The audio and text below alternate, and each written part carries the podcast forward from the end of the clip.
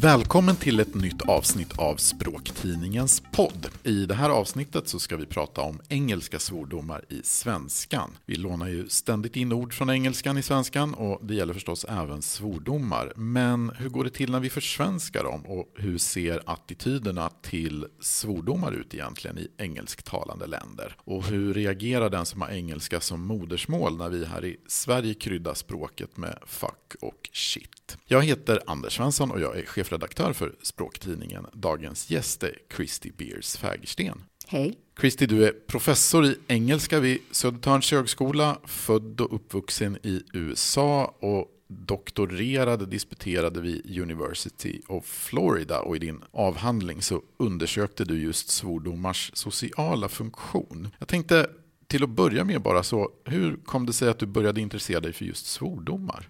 Jo, det kommer sig för att jag länge trodde att jag inte svor. Så det var, det, jag kan berätta redan nu, det var en missuppfattning på min sida. Så det var um, en anledning till att jag ville gräva i vad, vad som vad som utgör en svordom. Hur vet vi när vi pratar om svordomar vilka ord som vi menar? Men också för att um, jag uh, förstod att jag undvek vissa ord men att jag använde andra ord. Så jag kunde använda ord såsom Jesus eller crap, men jag använde inte ord såsom fuck och shit. Och för mig innebar det att jag inte svor, men när jag pratade med andra så hade de, men, du svär visst, du säger crap, du säger Jesus. Um, och sen förstod jag, aha, så vi, vi har lika olika uppfattningar om, om vad som är svordomar. Så jag ville, jag ville kolla det lite grann och sen ville jag också förstå varför jag inte använde vissa ord. Vad var det med mig som jag, som jag inte kände mig bekväm med fuck och shit? Och sen att jag um, däremot verkligen älskade när andra svår. Och jag var lite avundsjuk till och med att andra kunde svära så väl. Um, och att, uh, att jag blev så glad att jag, att jag nästan förstod, liksom innerst inne, när, när jag var med andra och de svor, att det var ett tecken på att vi är kompisar, vi har kul, det här är ett, ett speciellt sammanhang. Och, och, jag tyckte att svordomar var någonting ganska positiva. Och, eh, men när jag, när jag började forska om svordomar så var det bara en, vad jag kallar för en negativ narrativ. Alla tyckte att det var hemskt att svära och det var så många studier som fokuserade på hur kränkande eh, svordomar är. Så jag, jag tyckte, okej okay, men det här stämmer inte riktigt överens med min bild på, på världen. Så det var på, på den vägen. Jag minns inte exakt riktigt hur gammal jag var, men jag tror att jag var kanske sju eller åtta år eller något sånt där. När jag själv ja, men då upptäckte kraften, och jag minns att det var just i fan, den svordomen. Och när jag märkte liksom vilka reaktioner jag fick när jag använde fan då, och liksom vuxenvärlden hörde det. Och det här tyckte jag också var otroligt fascinerande, och jag tror att det var det som för mig lite öppnade just den här, ja men jag förstod att ord kunde ha olika laddning och just fan tycker jag är intressant ja, men som en svensk svordom eftersom den fortfarande kan uppfattas som, som väldigt grov. Har du själv någon så liknande upplevelse när du upptäckte eh, mer specifikt så svordomars laddning? Absolut. Och det som är um, riktigt intressant med svordomsforskning är att eh, jag tror inte jag har någonsin mött, äh, mött någon som inte har en liknande anekdot. Så för mig var det, jag minns inte riktigt hur gammal jag var, men säkert 10-11. Och eh, min mamma bad mig tömma diskmaskinen. Jag blev arg för jag tyckte att det var bara jag som jobbade hemma och mina systrar inte gjorde någonting. Och jag sa någonting som, ja men min, min syster, hon, hon lyfter inte ett jävla finger. Jag sa damn. Och jag kände direkt, åh, oh, det där var för mycket. Och det, det blev, min mammas reaktion var inte, eh, hon, hon skrek inte åt mig, jag fick inte smiska eller någonting. Men jag märkte att vi bara tittade på varandra och hon sa någonting som du slipper gå till ditt rum och, och, och tänk på det här. Jag var helt förkrossad, jag, jag fattade inte att det ordet slank ut ur min mun. Ehm, jag skämdes så oerhört mycket. Jag kommer aldrig att glömma det. Och, och jag tror att det var väl den enda gången jag någonsin sa damn, och det var sista gången. Jag menar, jag, det var bara nej, jag, jag kommer inte att, att svära någonting mer efter det här. Men um, det är någonting som, som har stannat hos mig. Det, jag tycker det är superintressant att du har också en sån berättelse och att det är så många som kommer ihåg, om inte första gången de upplevde språkets kraft och makt eller, eller svordomars eh, makt, men kanske um, de, de kommer ihåg tillfälle. Om inte de använder svår, en svordom, det var någon annan och det är en reaktion som uh, de kommer ihåg. Och det är, det är så få ord som vi, som vi har i vårt språk som är så mäktiga att, att de stannar kvar hos oss på det sättet. Jag ska väl passa på tror jag innan vi går vidare och, och brasklappa lite här. Som, som ni som lyssnar redan har märkt så det här avsnittet kommer ju handla om svordomar och andra laddade och nedsättande ord. Så att om du lyssnar med barn inom hörhåll eller sådär så kanske det här är ett avsnitt ja, men som lämpar sig lite bättre för lyssning i hörlurar. Och vi kommer ju förstås också att eh, tala en del om nedsättande ord och en del av mm. dem är kontroversiella och känsliga. Det kommer vi inte riktigt runt, men avsikten är förstås inte att kränka någon. Jag tänkte så här att en sak som jag tyckte var lite symboliskt här inför just det här avsnittet var att Christy, du ska ju vara med på vår en årlig konferens som heter Språkforum som blir den 9 oktober och den som är intresserad av Språkforum kan för övrigt gå in på spraktidningen.se och snedstreck språkforum och läsa mer. Men i alla fall när vi skulle marknadsföra det här eventet så, så gjorde jag en liten film och som vi publicerade på Facebook och så ville jag också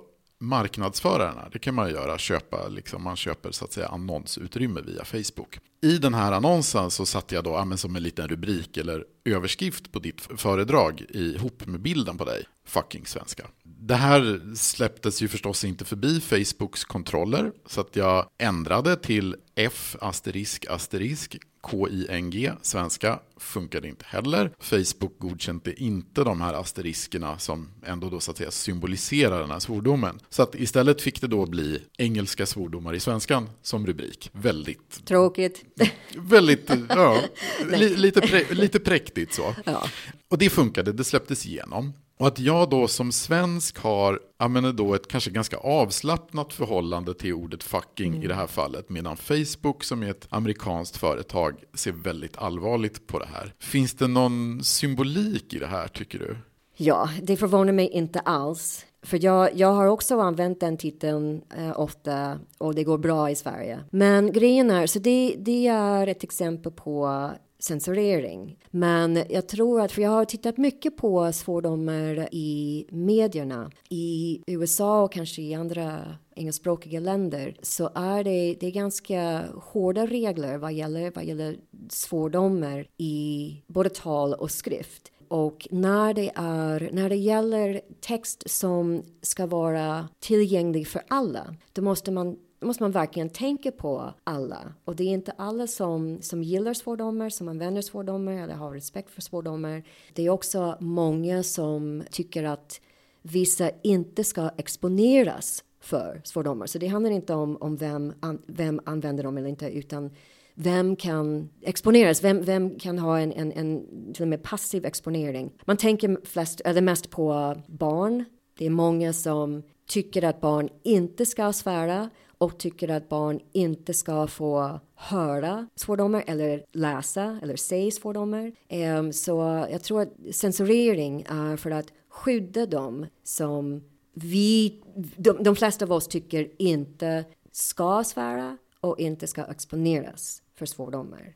En annan sak som kanske har en viss symbolik, jag tänkte på uh, filmen Fucking Åmål när den visades på bio i USA, det är väl nästan 20 år sedan nu eller något i den mm. stilen, så hade den fått titeln Show Me Love. Om vi bortser från att amerikaner i allmänhet förmodligen inte har en aning om vart Åmål ligger någonstans, hade det varit otänkbart att ha titeln Fucking Åmål i USA? Ja, men tänk bara på uh, din upplevelse med att uh, försöka ha fucking svenska och sen att ha en, en, en filmtitel med, med fucking och man ska göra reklam för det det går inte. Det går nog inte heller att, att ha och censurera med, med tecken eller symboler eller någonting. Men jag tycker att just den filmen är uh, otroligt viktig för svordomsutveckling i, i Sverige. Um, så jag, jag, brukar ta det som exempel så ofta jag kan för jag tycker det är ett fantastiskt exempel på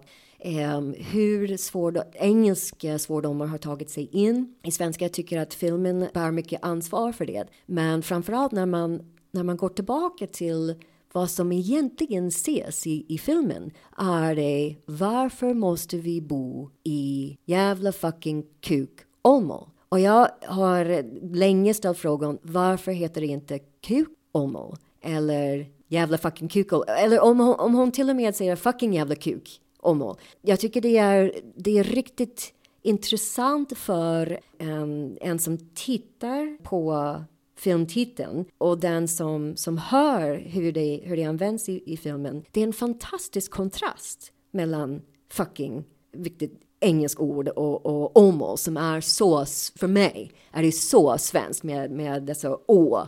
Och eh, titeln är bara en, en, en underbar språklig kontrast. Men också eh, uh, fångar hur det är att um, att, att vara här i Sverige och använda engelska svordomar. Det är så gott som oproblematiskt som möjligt. Um, man kan bara slänga in engelska, engelska svordomar. Det kan till och med vara i filmtitlar. Inga problem alls. Så det, det är mycket talande för vad situationen här i Sverige är. Nej, jag funderar på, när du flyttade till Sverige, hur reagerade du på ja, men så att säga, svordomar som säg då shit och fuck som ju är rätt vanliga i svenskan? Vad var dina första reaktioner? Det enkla svaret är, jag blev jätteglad för, för när jag kom hit så höll jag redan på med svordomsforskning och jag hade fått upp ögonen och även öronen för hur engelska svordomar användes i icke engelskspråkiga länder. Ehm, så när jag väl var här och kunde höra hur mycket man, man svor på engelska här så, så blev jag glad för det, det var en bevis på att det fanns mer att forska om här, att jag hade landat rätt så att säga. Men jag, eh, jag tror att jag märkte engelska svordomar i svenska först i den tecknade serien Rocky eh, som jag också fortsatte att forska i. Och det var, det var mycket, är, eller nej, nu är det slut, det var mycket svordomar där. Ehm, så för mig var det också ganska kittlande att um, få se svordomar i skrift. Um, för man hör många svordomar i USA såklart, men det är sällan man, man, man får se dem utskrivna utan att, att, att vara censurerade. Men, men uh, de förekommer mindre i skrift också. Men jag uh, jag, jag, måste bara berätta att jag äm, träffade min, min nuvarande man i USA och äm, en gång var vi på, på stranden och han skulle byta om äm, och hade liksom en handduk eh, om, han var omsvept i, i handduk och skulle liksom byta om under handduken. Och handduken liksom, han tappade handduken så det bara liksom föll på, på marken. Och hans reaktion var, han, han, han bara brast med Oh my dick. Jag häpnade lite och tänkte, ja ah, men det var så roligt. Han, han sa det högt utan att, att tänka på att, att det var, för mig det var en svordom. Och det var inte ens, oh my dick. Han, han försökte inte ens viska som, som kanske man hade gjort. Och, och jag, jag märkte då, aha, det är en annan, det är en annan relation till svordomar. Och, och framförallt till engelska språket. Han var så fri och, och kunde säga vad han ville och det kostade honom ingenting. Jag märkte, för vi pratade lite, det kostade honom ingenting kroppsligt. För ibland när man svär, det kan vara i väldigt um, känsloladdade situationer. Att man, man känner i kroppen. Det är kroppsliga reaktioner, kroppsliga känslor som man har när man, när man svär. Men uh, att eh, man använder ett, ett annat språk än det egna språket så slipper man dessa jobbiga känslor eller obehagliga känslor. Man kan bara säga vad man vill. Och det märker jag mycket här, att um, engelska svordomar är någonting, det kostar folk ingenting. I Sverige så har vi ju inte riktigt det här systemet med att man till exempel blipar bort eh, svordomar i tv eller sådär. Utifrån vad du har observerat här i Sverige, har vi i allmänheten mer tillåtande attityd till svordomar än vad man har i USA? Ja, det tycker jag. Jag har inte märkt så mycket censurering här. Fast jag, jag kan berätta. Jag, jag nämnde tidigare att jag eh, har forskat i tecknade serier och har märkt, jag har tittat på bruket av svordomar både på svenska och engelska i, i tidningsserier och märkt att det förekommer ganska mycket censurering i Berlins av svenska svordomar. Ehm, så det är sällan att man får läsa vad fan som ett, som ett, ett helt uttryck, utan det blir vaff och sen några, några tecken där. Det tycker jag är intressant, för jag har också märkt att det, att det finns några Berlins serier där det förekommer engelska svordomar som inte är censurerade. Um, så det, det kanske tar oss tillbaka till den här skillnaden mellan engelska svordomar som, som inte upplevs som, som lika starka som svenska svordomar. Men jag tycker att um, nu fokuserar jag på uh, förekomsten av engelska svordomar. Men ändå tycker jag att man, man, man ser och hör ganska många svenska svordomar. Mest jäklar, jävla, kanske helvete, uh, skit. Jag, jag tycker att, att det förekommer så pass mycket och osensurerat att för mig är det ett tecken på att man har en mycket ledigare inställning, tillåtande inställning till svordomar här. Du gjorde en undersökning 2007 där amerikaner då fick, man fick ranka eller sätta betyg på olika svordomar och tillmälen och man fick så att säga ranka dem från minst till mest stötande. Mest stötande var då nigger, n-ordet, följt av cunt, motherfucker, fuck och bitch. Och i mitten så hade vi då asshole, bastard, dick, ass och shit. Och minst stötande var hell och damn. De här resultaten, så att säga hur de rankade de här olika svordomarna, var, det, var de överraskande? Nej, det, det går att um, förutspå vilka som kommer att rankas som, som mest störtande. Men jag skulle vilja dröja kvar här lite grann och förklara vad, vad det var för, för syfte med just den uppgiften. Um, så jag, jag bad andra att um, rangordna, eller inte rangordna utan, utan bara utvärdera dem och, och sätta dem på en, på en skala. Och det var för att egentligen jämföra om man ser betygen eller hur ska man säga vad det är, utvärderingen, eh, jämföra den med eh, så utvärdering av ord som förekommer endast i en lista och jämföra den med ord när de förekommer med eller i ett exempel. Så det som jag upplevde var att om man, om man lämnar någon ensam med en lista över svordomar, då kommer man att eh, bedöma dem som väldigt, nä, nästan eh, alla som väldigt störtande. Men det är för att om jag ber dig, okej, okay, här, här får du tio ord och jag vill att du ska bedöma hur störtande de är. Då tänker du, aha, de här orden är störtande. Så när jag, när jag går och läser igenom den här listan, då kommer jag att komma på hur de skulle bruka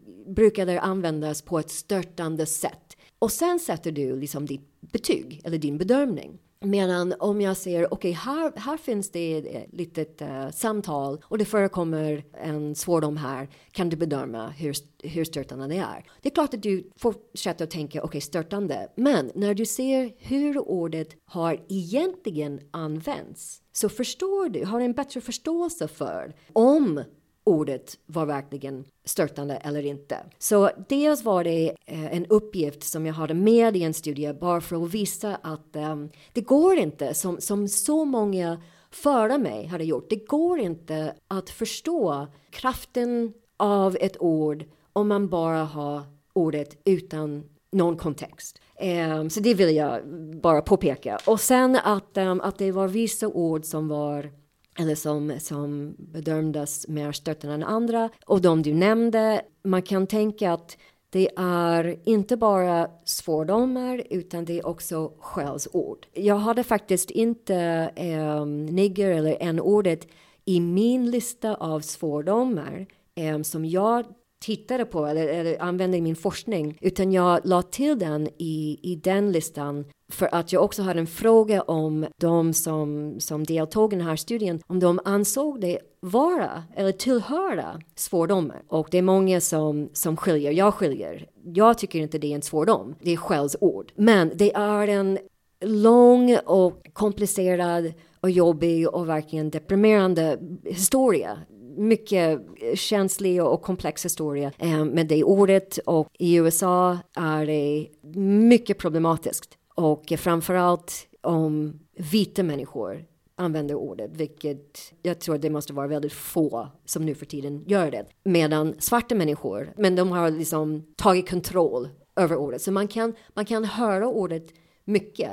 Men där spelar kontext en otroligt stor roll. Och sen de andra, vi kan, vi kan prata lite om kant. Superintressant för det är i min studie så, så förekom det aldrig. Det var ingen som jag hade som hjälpte mig som någonsin hörde att det var någon som använde ordet. Det undviks någonting kolossalt eh, i USA. Men det är också eh, starkt skällsord. Det, det är svårt att bara svära med, med kant. Det är näst om man vill skälla ut någon. Motherfucker, jag tycker det är ett väldigt intressant ord också för det länge eh, förknippades med, också med svarta människor. Det var studier som visar att, eller på eller hävdade, vi ser studier som, som hävdar att det var bara svarta människor som använde motherfucker. Jag tror att de flesta förstår att det inte, det inte stämmer. Men det är um, också ganska mycket skällsord. Det är någonting man kallar någon annan för. Och sen är, är det också kön spelar roll. Man säger mycket om, om man kallar den för motherfucker. Um, så det är lite komplicerat där med, med att ta med ens mamma eller mor. Och sen uh, att, att bitch var med. Um, det är också om man använder bitch som skällsord. Så det, det är verkligen störtande om, om man kallar den för, för bitch och och menar det. Men nu kan man också eh, använda bitch väldigt lättsamt. Uh, where's my bitches at? Det är lite roligt. Um, och sen kan, kan bitch också vara ett verb. Man kan bitcha om någonting och det är inte, det är inte lika störtande. Men det fanns lite, lite könsskillnader här. Att, att kvinnor upplevde bitch mer störtande än män. Och att män upplevde motherfucker mer störtande än, än, än kvinnor.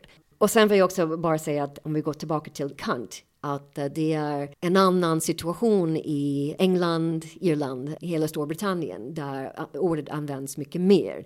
Jag kom förbi någon, någon kort video någon gång om um, en kille i, i Irland som uh, ville skoja lite med, med um, sin pappa och han hade precis gjort sin, uh, sin prov för att ta körkort och um, han ville låtsas som om det inte gick bra och se vad pappans reaktion skulle vara. Så han kliver in i bilen och pappan sitter där och pappan frågar ah, men hur gick det? Och, och, och pojken säger att ah, men, nej, jag, jag, det gick inte bra, jag fick inte det. Och pappan sen frågade om, om, om läraren eller, eller den som testade och, och sa någonting som what did that bitch say? Och, och pojken säger nej men det var en man. Och sen säger utan att liksom utan att pausa någonting. Nej, men det var en man. I mean, what did that cunt say? Um, och jag tyckte det var väldigt roligt, för cunt, men det är, det, det, det brukar vara skällsord för kvinnor, men att den här, den här mannen i, i Irland hade bitch när han trodde det, var, det handlade om en kvinna. När han visste att det handlade om en man så använde han kant. Nu är det bara en, en, ett samtal mellan en, en pappa och en, uh, sin son.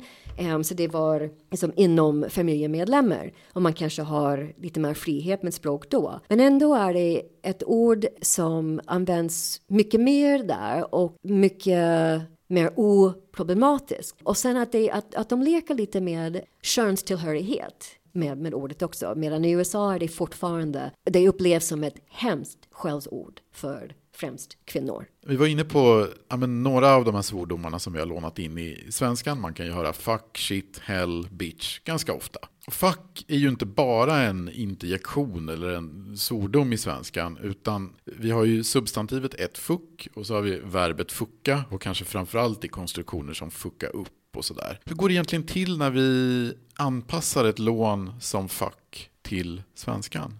Men det, det finns olika nivåer. Du, du har redan talat ut ett exempel på hur det, hur det går till. Att, att uttalet blir lite annorlunda. Så det är för mig fuck och kanske för svenskar liksom fuck nästan.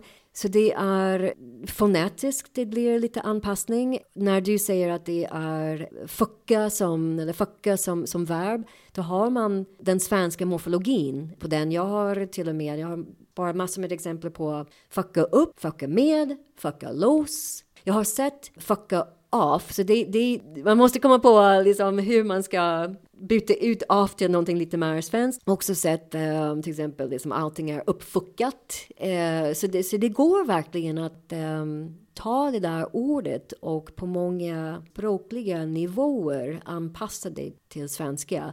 Men fucking som adjektiv finns fortfarande. Det, och, och det är, det är den, den engelska det engelska adjektivet där, fucking, så det är inte som fuckande eller någonting. Um, så jag tror inte att det kommer att, att ändras någonting, någonting mer. Men så liksom fonetiskt och morfologiskt och sen ortografiskt också. Man kan ändra stavning som, som kanske är förknippad med uttalet. Så att ehm, man förstår att um, det är en annan eh, uh, vokalkvalitet när man uttalar det på svenska.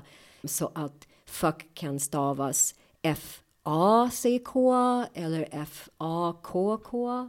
Jag vet inte vad du har sett, men jag har, jag har bara sett dessa stavningar när det är fuck eller fucking, så F-A-K-K-I-N-G till exempel. Men jag har inte sett typ fucka, nu överdriver jag uttalar lite grann bara, fucka upp eller fuck, jag har sett fucka upp, fucka loss, fucka med.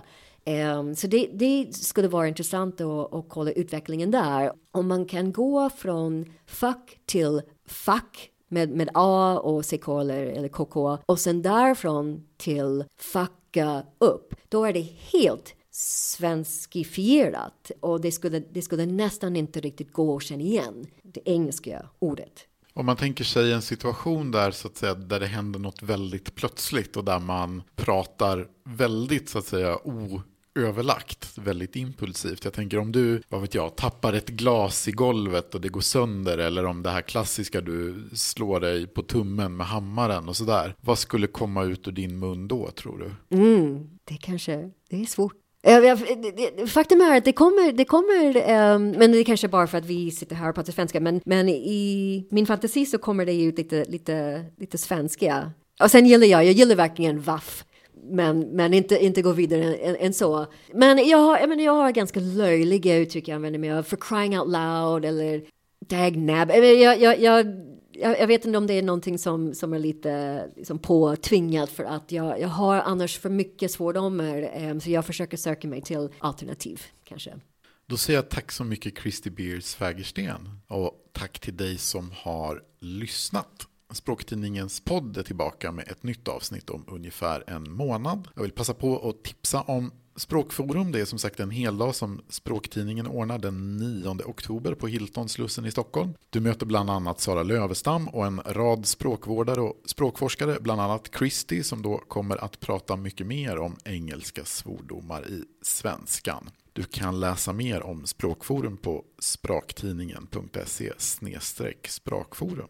Och om du har gillat det du har hört och vill skänka en slant till podden så får du gärna swisha ett bidrag till 123 157 9937, alltså 123 157 9937. När du lyssnar på oss i din poddtjänst så får du gärna ge oss en stjärna eller en tummen upp, en kommentar eller en recension och du får gärna lägga till en liten prenumeration på vår podd också i din poddtjänst. Och om du är nyfiken på Språktidningen och vill teckna en prenumeration så kan du alltid gå in på språktidningen.se. Tack så mycket och på återhörande.